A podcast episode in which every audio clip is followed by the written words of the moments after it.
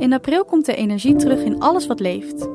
Dat is, net als in maart, de kiemkracht van Mars. Mars brengt deze maand door in het gevoelige teken kreeft.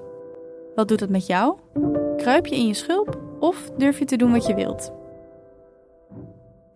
Omdat Mars in kreeft staat, ga jij een zeer dynamische en actieve maand tegemoet. Misschien is het nodig om een strijd of een sportieve prestatie te leveren. Iets dat veel van je vraagt en veel energie kost. Want met Mars naast je blijk je opeens over veel grotere powers en reserves te beschikken dan je tevoren ooit had verwacht.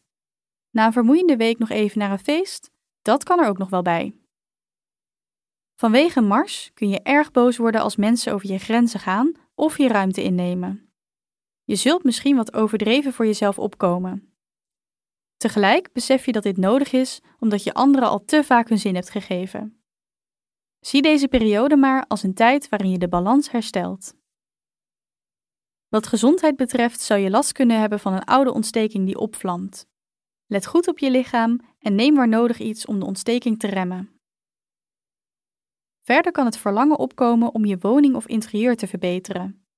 Het kan even lastig zijn om de spullen op te ruimen die je niet meer nodig hebt, maar als je doorpakt, wacht de beloning: een huis dat weer up-to-date en comfortabel is.